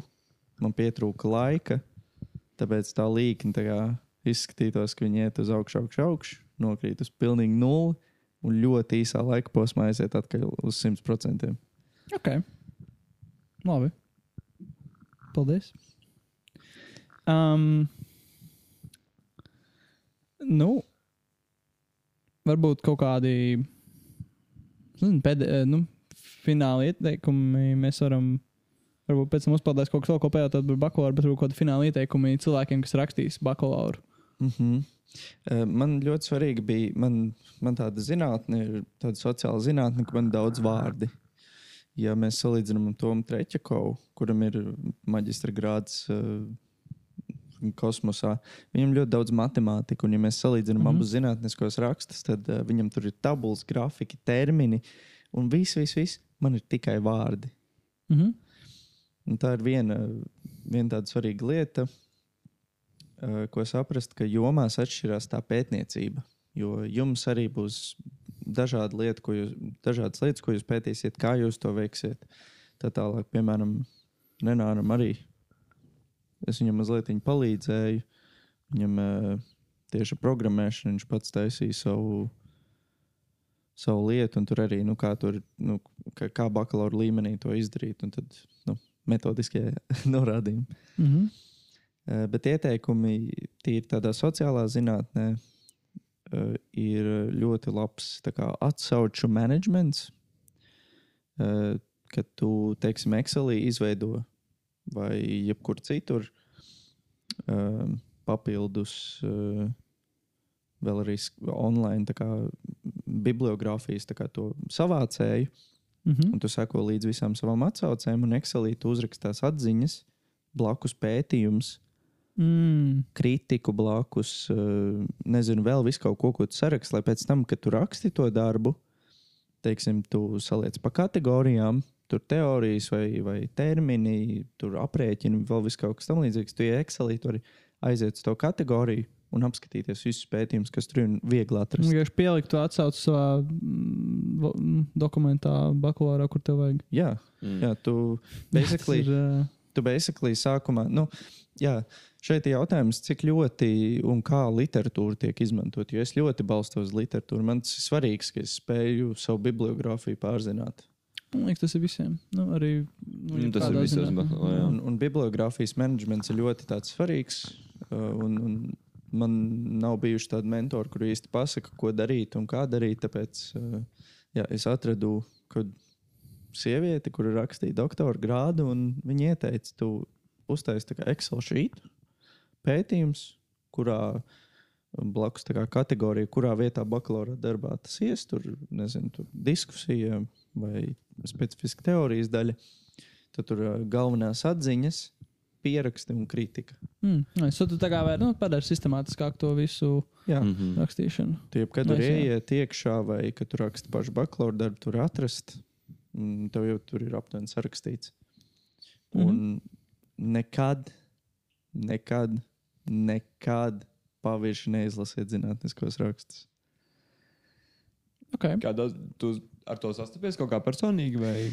Jā, nu, redzēs tos visus 60, 70 zinātniskos rakstus. Esmu nu, lasījis, un tā ir nenormāli liela literatūra. Tā nav tā kā nu, par četrām lapas pusēm, tā ir pa Mhm. 11 lapas pusēm. Un ir tā, ka tev gribās skimot kaut ko mm -hmm, nesvarīgu. Un tas ir iemesls, kāpēc man nācās sākt no jauna. Jo es vienkārši pavirši apskatīju savu literatūru, un es īsti neizpratu pats. Un es nespēju uzlikt to uz papīra ļoti labi. Tāpēc man bija vienkārši jāiet visam no sākuma cauri. Tāpēc mm. es nevarēju, es nezināju, mm. kur man būvēt tagad vēl virsū, jo man tie pamati bija tik nestabili. Okay, nu, labi, respektīvi, jā, uzmanīgi izlasīt pētījuma rezultātus. Un, uh, Pierakstīt, tā kā pierakstīt, jo it īpaši, teiksim, nu, tā, tāds čīzi ieteikums ir sāc agri. Tā kā, nu, tas ir nenormāli klišejs. Man ka stil, cheesy. uh, man stil nai- naivi liekas, ka es arī bakalaura sākšu ļoti agri. Nu, ko mans stāsts, tas nu, basically, nu, vairāk, bet divas nedēļas pirms iesniegšanas. Nu, ta- tas arī ir tā mazliet pārspīlēt, bet nu, tur bija tāda astoņas stundas ar tikai rakstīšanu. mm -hmm. Un Plus, vēl tam fonām bija daudz research, bijis, kas tev Jā. ļāva tā, tik daudz rapidi rakstīt. Jā, ātri, nu, teorijas Bakalaura nevar uzrakstīt. Jā, bet tu jau arī, teiksim, nu, mēs nemaz fiziski nevaram sākt vēl, tāpēc mums vajag praktiskus eksperimentus tā kā ar fiziskām lietām testēt vai kaut Mhm. ko tādu. Uh, bet, teiksim, nu, ja tu sāc teiksim, pēdējā kursā vai otrā kursā kaut kādu bakalauru jau veidot, Mhm. tad uh, ir ļoti svarīgi, ka tu to bibliogrāfiju nu, vari atcerēties pēc pusotra gada. Vismaz aiziet, reku galvenās atziņas, reku šis, pē, šis pētījums mm. un viss. Jā, smart. īsnī- Īstenībā. Ja, ja tu veic pēdējā brīdī, tas ir nu, pozitīvi, ka tu visu atcerēsies, ka tikko uzrakstīji. Jā, jā. Bet, ja, ja, nu, ir labi veikt ilgākā laika posmā, un pamatojoties uz to, ir labi izveidot tādu smuku apkopojumu bibliogrāfijā. Jā, lai tu atceries, ko darīji sākumā pēc tam kā laika. Mhm.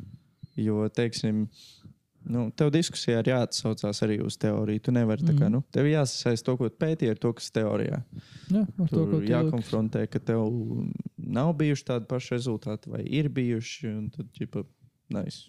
Mhm. Bet uh, galvenais nebaidīties, ka pēdiņās neizdosies.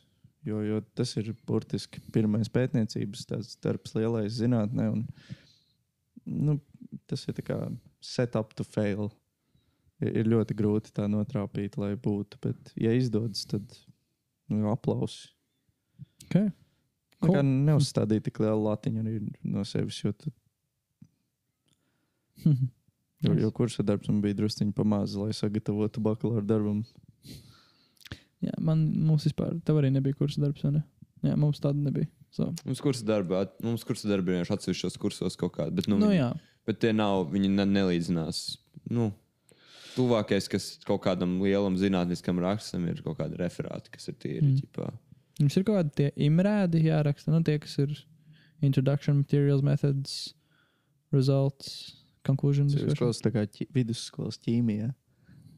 Uh, nu, bet tas jau tāds, nu, tā jau viss ir raksts, arī psiholoģijā raksts. Ah, Bet jā, ķīmijā mēs tā rakstījām tā kā pa, met, metodi pa soļiem, kā mēs to darīsim. Ah, nu jā, bet psiholoģijā taču arī tā dara, vai ne? Imrēda form, formātā. Es, es pirmo reizi dzirdu tādu terminu pirmkārt. Un otrkārt, Beidz, man liekas, tas ir. Nu, labi. Nav svarīgi. nē, nē, metode ir, ir līdzīga aprakstīta, jā, tikai tādā, manuprāt, daudz brīvākā formā. Kā- tas, Man liekas, Nā, nu, nē, nu, jā. À, tad tā ir struktūra. Jā, imrāts ir vienkārši. Nu, Struktūra tā tad sākas ar ievadu, metodi, secinājumiem Nu un, jā, es- un diskusiju. No, rezultātiem diskusiju. Nav, nav tāda īsta lieta kā secinājumi. Ir, ir diskusija, kur tiek ap, aprakstīti secinājumi. Jā, jā nē, tā, tāds pats formāts ir. Man liekas, ka tu kaut ko citu Jā. domā.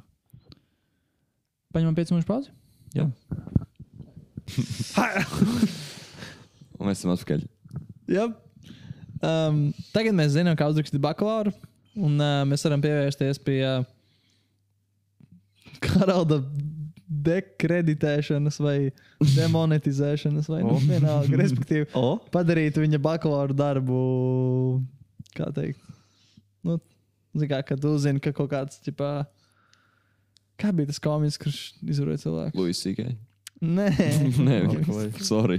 tas tur. Uh, Bils Kosbijs. Bot Bills Kosbijs, zin kā, kad tu saproti, ka man viņš bija baigs labs, Harāns bija baigs labs pētījums, bet tu uzzini, Beigās. kāds viņš ir īstenībā. Tad to tu de dekreditē, fui. Dekreditē viņa darbu. personība dekreditē visu pārējo pētījumu. Yes, sir. Tas jau izklausās pēc psiholoģiska fenomena. Jā, tas ir. Uh, jā, Oriola vienkārši. efekts, starp citu. Kas? Oriola efekts. Nice. Tas Or, ir. ir tāds Oriela beats. Jū. Uh, nu, respektīvi, vienkārši mēs neesam sen nevienu metuši zem autobusu. Jā, Un, uh, so, Harald, tava kārta. jā. Um, pirmais jautājums tāds mazliet varbūt uh, ietilpīgāks. Uh, vai tavuprāt, mūsdienu superētiskā pasaule atstāja vietu īstai brutālai zinātnē? Uh, vai arī, tā kā teiksim, jo, nu, jo mūsdienās viss ir ļoti aizpildīts ar, nu, kā tu pats teici, ētikas komisijām, kas um, iespējams neļauj reāli novēr, novērot uh, tādus psiholoģiskus fenomenus. Jo, um, man liekas, daudz cilvēku izvirza tādu argumentu, ka tad, kad lielākā daļa atklājumu tika veikti, tas bija, kad zinātnē bija tāds nu, free for all, kad ķipa, visi tur bez ētikas mauca, tur bēbjus traumatizēja. un Jā, pagaidi, LSD mācīt cilvēkiem prosiekšā. Jā, jā, tur un bļāva uz bērniem, un tad skatījās, tā kā, kas ar viņiem notiek tur. laikam. so, Jā, Harald, vai cilvēku labbūtība ir svarīgāka par progresu zinātnē? Oh. Nē, es, es pilnīgi piekrītu, ka uh, nu, mēs nevaram atklāt, ja mēs nepārkāpjam kaut kādu cilvēku, cilvēcīgo kodeksu.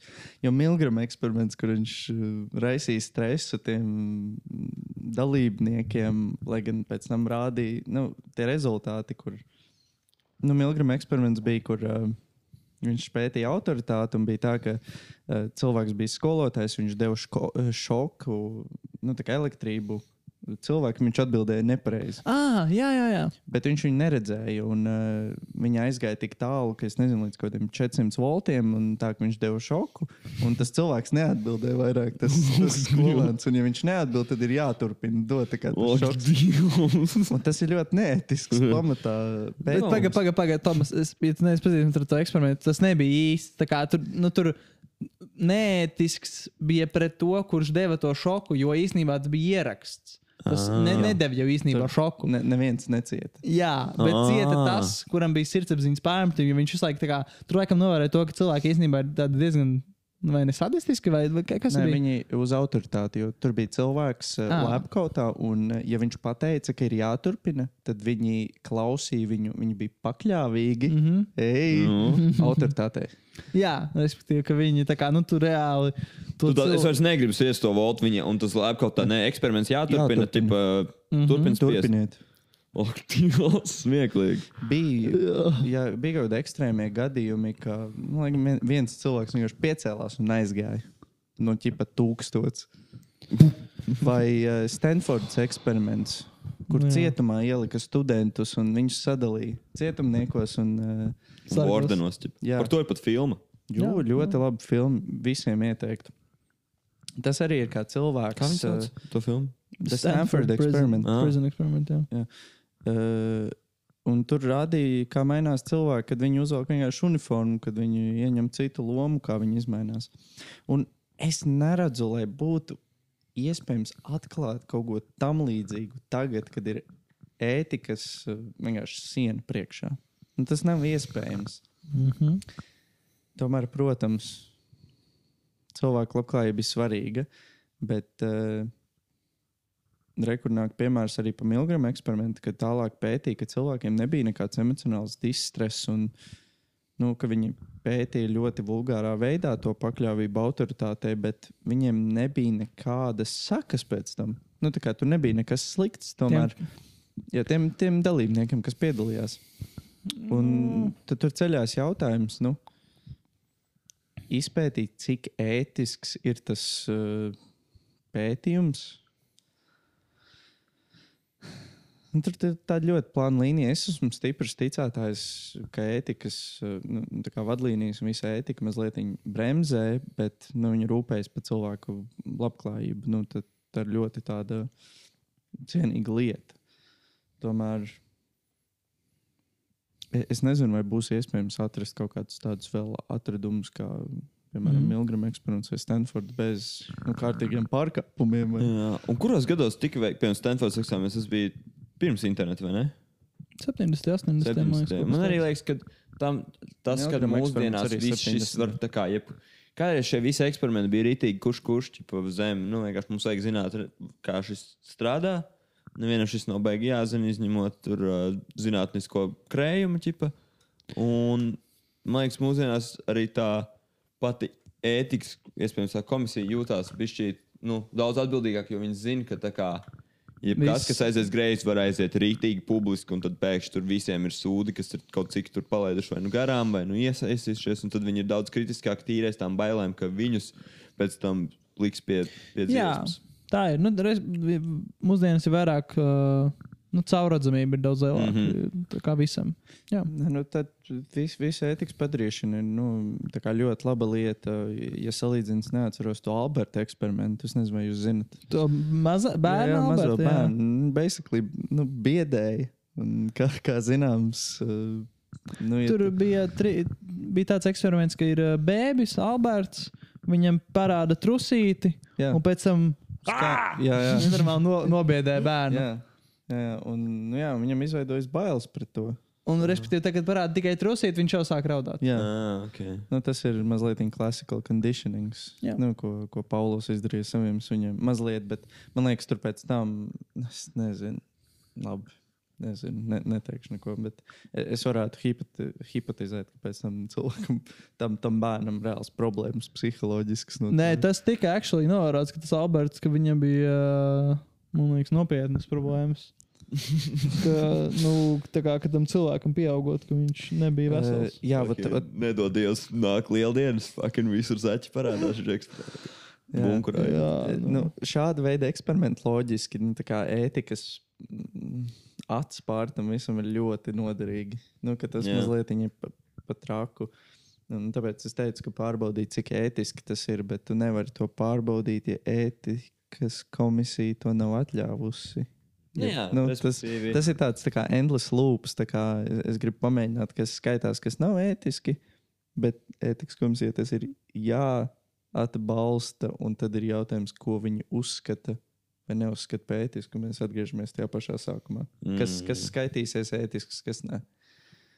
Kur, kurā brīdī tiek tā bojāta tā cilvēka? tad to var labklājība. principā boil downot, vai svarīgāk ir cilvēcei izprast kaut ko ar, ar to, ka cietīs kaut kāda Viens. Maza cilvēku grupa, vai arī ir svarīgāk neskart nevienu un ne, neuzzināt šo. Kas tad, tavuprāt, ir svarīgākais no tiem diviem? Tas, ka mēs uzzinām kaut ko, tur nezinu, vai bērni baidās, baidīsies un tā, bet cietīs tas fucking Alberts. Viņš visu viņam dzīvi izbojāt savā, savā ziņā. Vai arī tavuprāt, ir svarīgi tas, ka ok, mums ir. Uh, Mums ir tomēr, mums nevajag ar saviem eksperimentiem uh, traumēt cilvēkus, kas varbūt rezultātā atkal neļauj mums kā, kaut ko izprast, kas, ir, kas tavuprāt ir svarīgāk. Manuprāt, noderīgi ir uh, zinātnē, all the way. Tas bija. Jo Okay. zinātnē, all the way, uh, jo, teiksim, nu, kā ir medicīnā? Medicīnā ir tie klīniskie triali, kur nu, uz cilvēkiem testē medikamentus. Nu, tas ir daudz savādāk. Tāpēc, ka viņi pirms tam ir ekstensīvi testēti sākumā uz šūnām, tad uz dzīvniekiem, un viņiem jau ir kind of zināma drošības pakāpe, kad viņus tikai atļauj uz cilvēkiem testēt. So, nu, tas nu, jā, jau ir. psiholoģija ir mazliet grūtāk kaut kur no sākumā pārbaudīt, bet nu, tur, tur jau tā grūtība rodas, kad nu, pateikt, kas ir ētisks, kas nav ētisks. Tad Mhm. būtu nepieciešams izpētīt, vai tas ietekmē labklājību, kas nozīmē pārkāpt ētiku jau pašā nu, saknē. Mhm. Nu, tad tur ir tā, nu, saku, tas bezgalīgais lūps, kas, tad, ko, ko mēs definējam kā ētisku, kas ir neētisks. Bet man atbild ir zinātnē, all the way. Un es pieminēju tos kliniskos trālus, jo, nu, ja cilvēkiem samaksā par to, ja viņiem ir kaut kāds iegūms, ka viņi piedalās, tad uh, nu, tā kā līdzīgi noziedot asins, tu zaudē asins, bet tu pēc tam dabū kompensāciju par to. Nu, Nu, tu, jā, tu, jā, tas ir, ja tu zini rezultātu, kas būs, kādas būs sekas tam pētījumam. Vai arī nu jā, rodas grūtības, ja nepieciešams maldināt, nedrīkst zināt, kāda ir apstākļa, kā piemēram Stanfordas cietuma eksperimentā. Tur, nu, ka viņš nepēta, vienkārši pateica, esiet, esiet cietumnieki un, un vārdeni.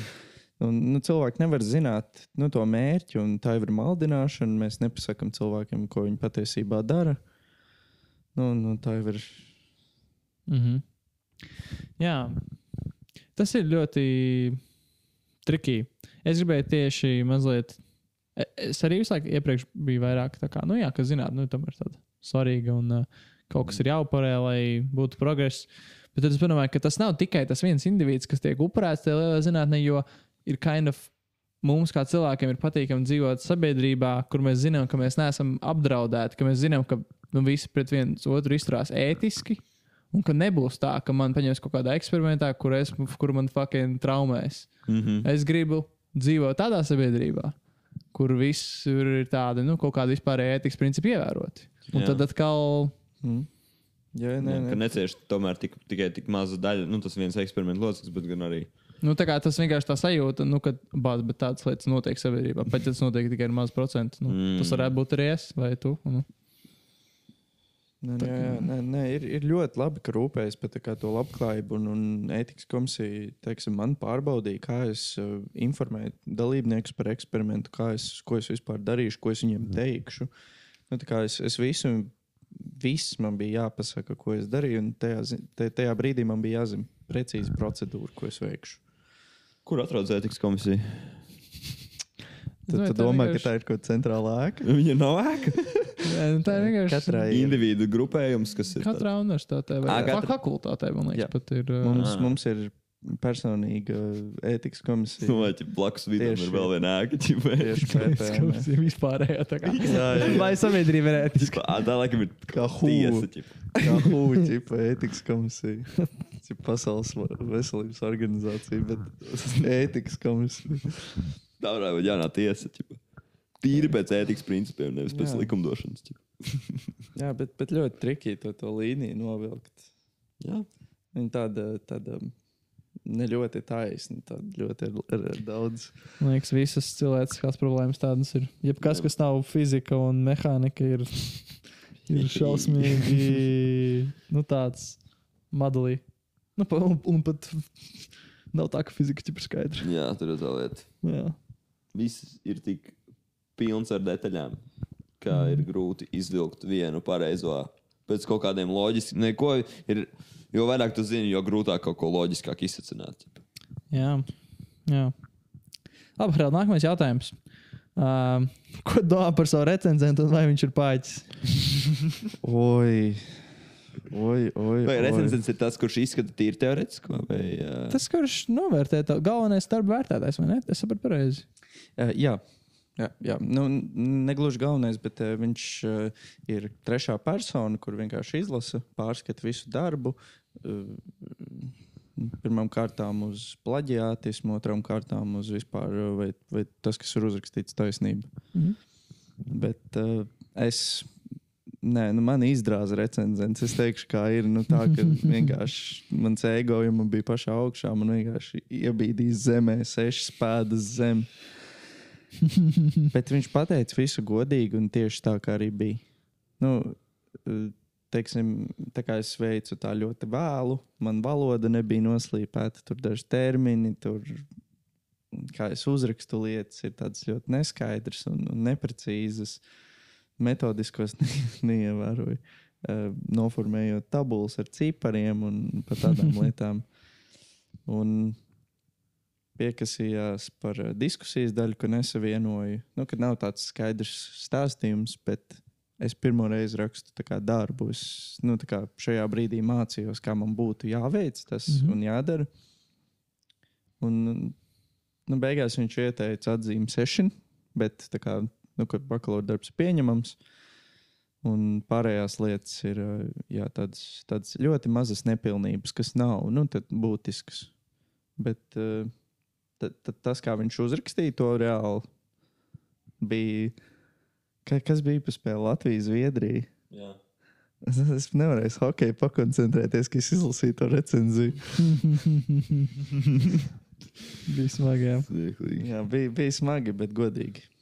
Nu, okay. jā nice. Nē, viņi Bet tā- forši. Nu, Bet jums arī ir tā, ka recenzents veido tikai vienu desmitaļu no atzīmes? Es nezinu, kā mums veidojas Cik atzīme. jums komisija, kad, bija, kad tu prezentēji, cik to komisijā bija? bet Man gala atzīme ir septiņi. Recenzents uh, un darba vadītājs ieteica seši. Bet tas, kas ir rakstīts, ka recenzenta iet, nu, tā kā atzīme ir tikai ieteikums, jo Mm. komisija nolemj, kas būs gala atzīme. mm -hmm. Bet komisija ir mans darba vadītājs. Uh -huh. Nu, ķipa mazliet tā negodīgi, okay. ja tā padomā. Nu, ar tevi ir, jā, ar tevi ir. Tev ir recenzents, viņš tev teorētiski visu pārbauda, ieliek vienu atzīmi. Un tad ir, tu prezentē desmit, deviņiem cilvēkiem. Deviņiem Jā, deviņi. tas bija četri. Jā, mums ir kaut deviņi. Un tad tu viņiem prezentē, un tad viņi kāds ieliek tev atzīmi, un tad no tiem desmit izvelk vidējo. Hmm. okay. Nē, nu, mūsu komisija arī savā starpā vienojās. Viņam bija slēgtā sēde, un viņi tad uh, sarakstīja, kā noprezentē. Bet Nu, ja tā paskatās, es uzskatu, ka tā prezentācija bija baigi laba, jo man ieteica, nu, bakalaura darbu uz sešnieku, bet beigās man izlika septītnieku. Darba vadītājs bija 6,5 Pārliecināti. un recenzents 6. Un tad beigās 7. Tas, tā kā, man liekas, Mhm. ļoti superīgi. Jā, forši. Um, mēs varam pārēt pie nākamā jautājuma. Jā.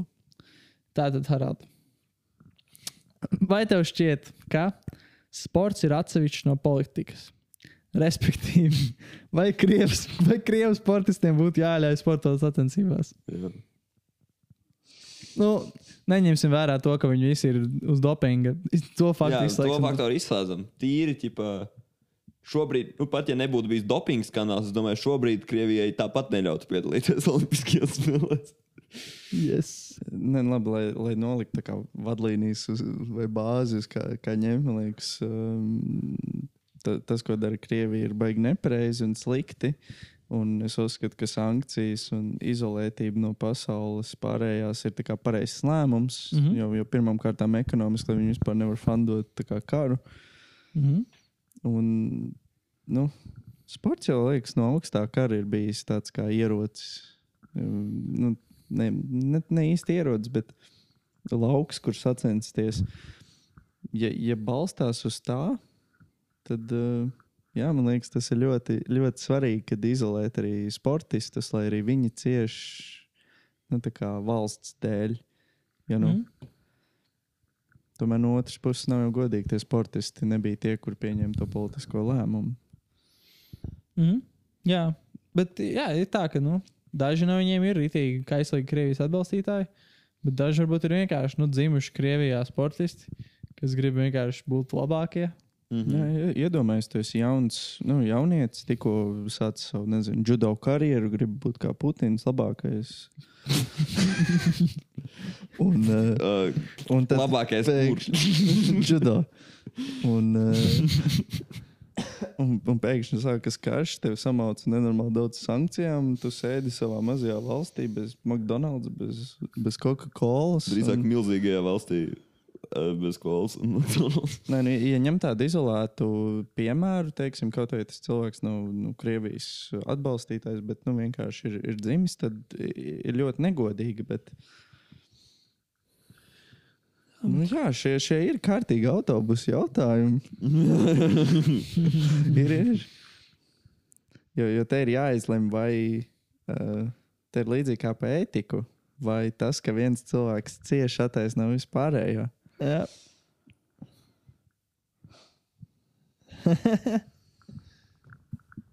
Jā. Nu. Tā ir tāda ļoti politiska atbilde, darāta, ko es nezinu, kā noformulēt. Polar opposite atbildes. Vēl debatējums jautājums. Es, es uzskatu, Ir vairāki skatu punkti no skoronošas. es uzskatu, ka katrs sportists ir uh, labs sportists un viņš dara to, ko viņš mīl. Tāpat arī kā katrs uh, ierēdnis valsts sistēmā, un viņš dara to, ko viņš uzskata, ka ir pareizā lieta, ko darīt. Bet savukārt Šlesers vispār ne, nesaprot, kas ir jādara šobrīd valsts vārdā. Šādi notiek politikas sarunas. Ātram vai no oriģināla jautājuma un ej pa savu.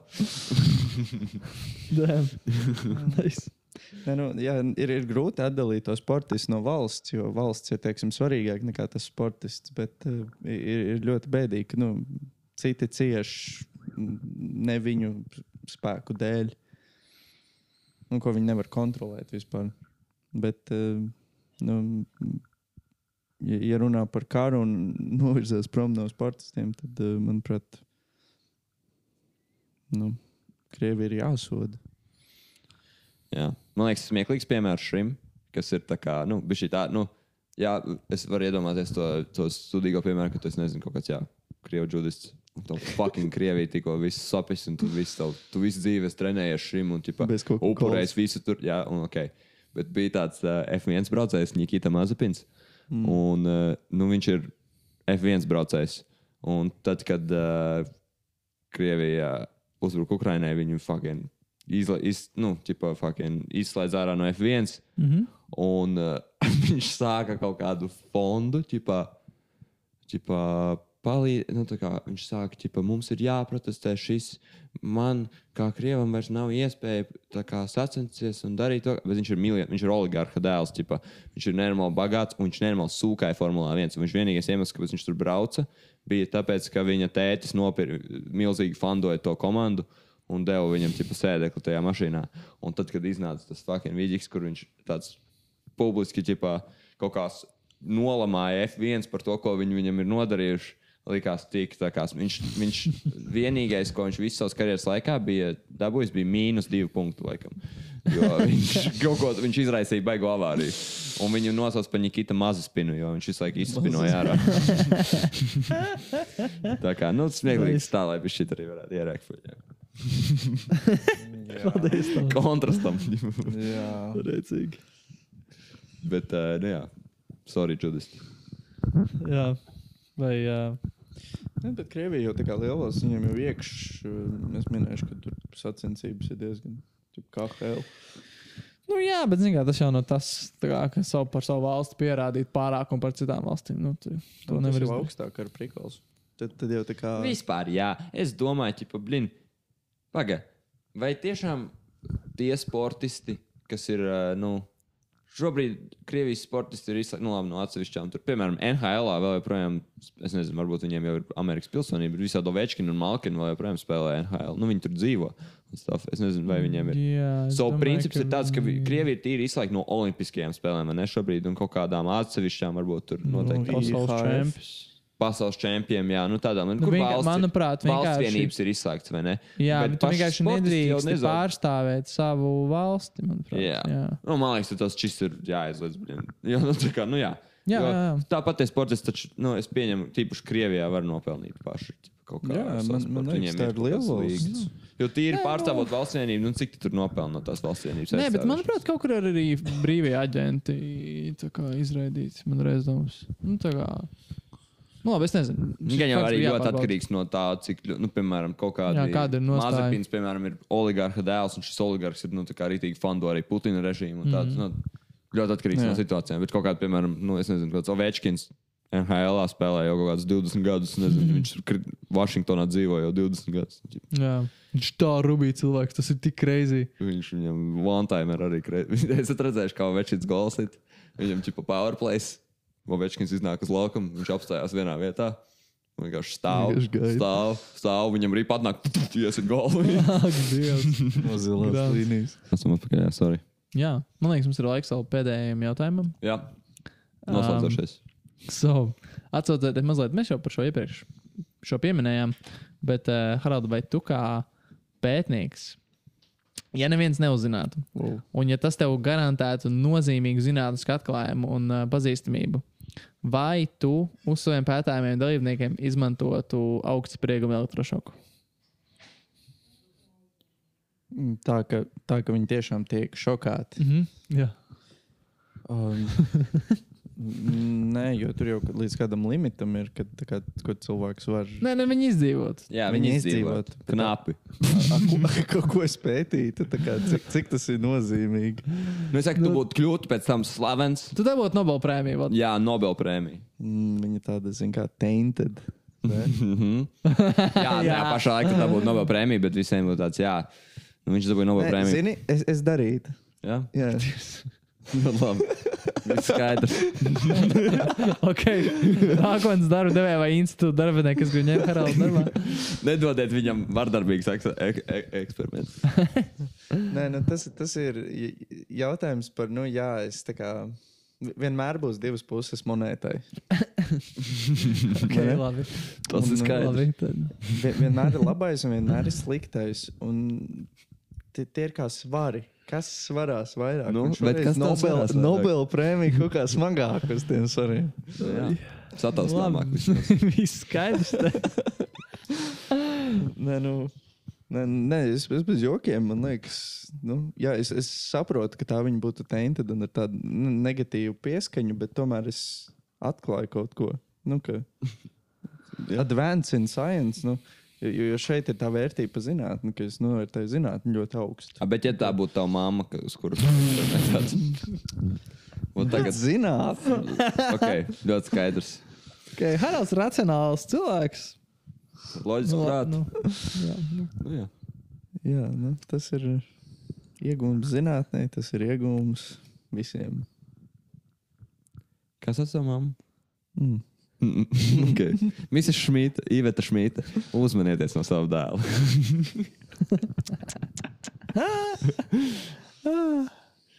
Nu, paldies, Arādi. Paldies, ka Paldies. padalījies ar uh, daļu no savas um, smadzenes ar mums.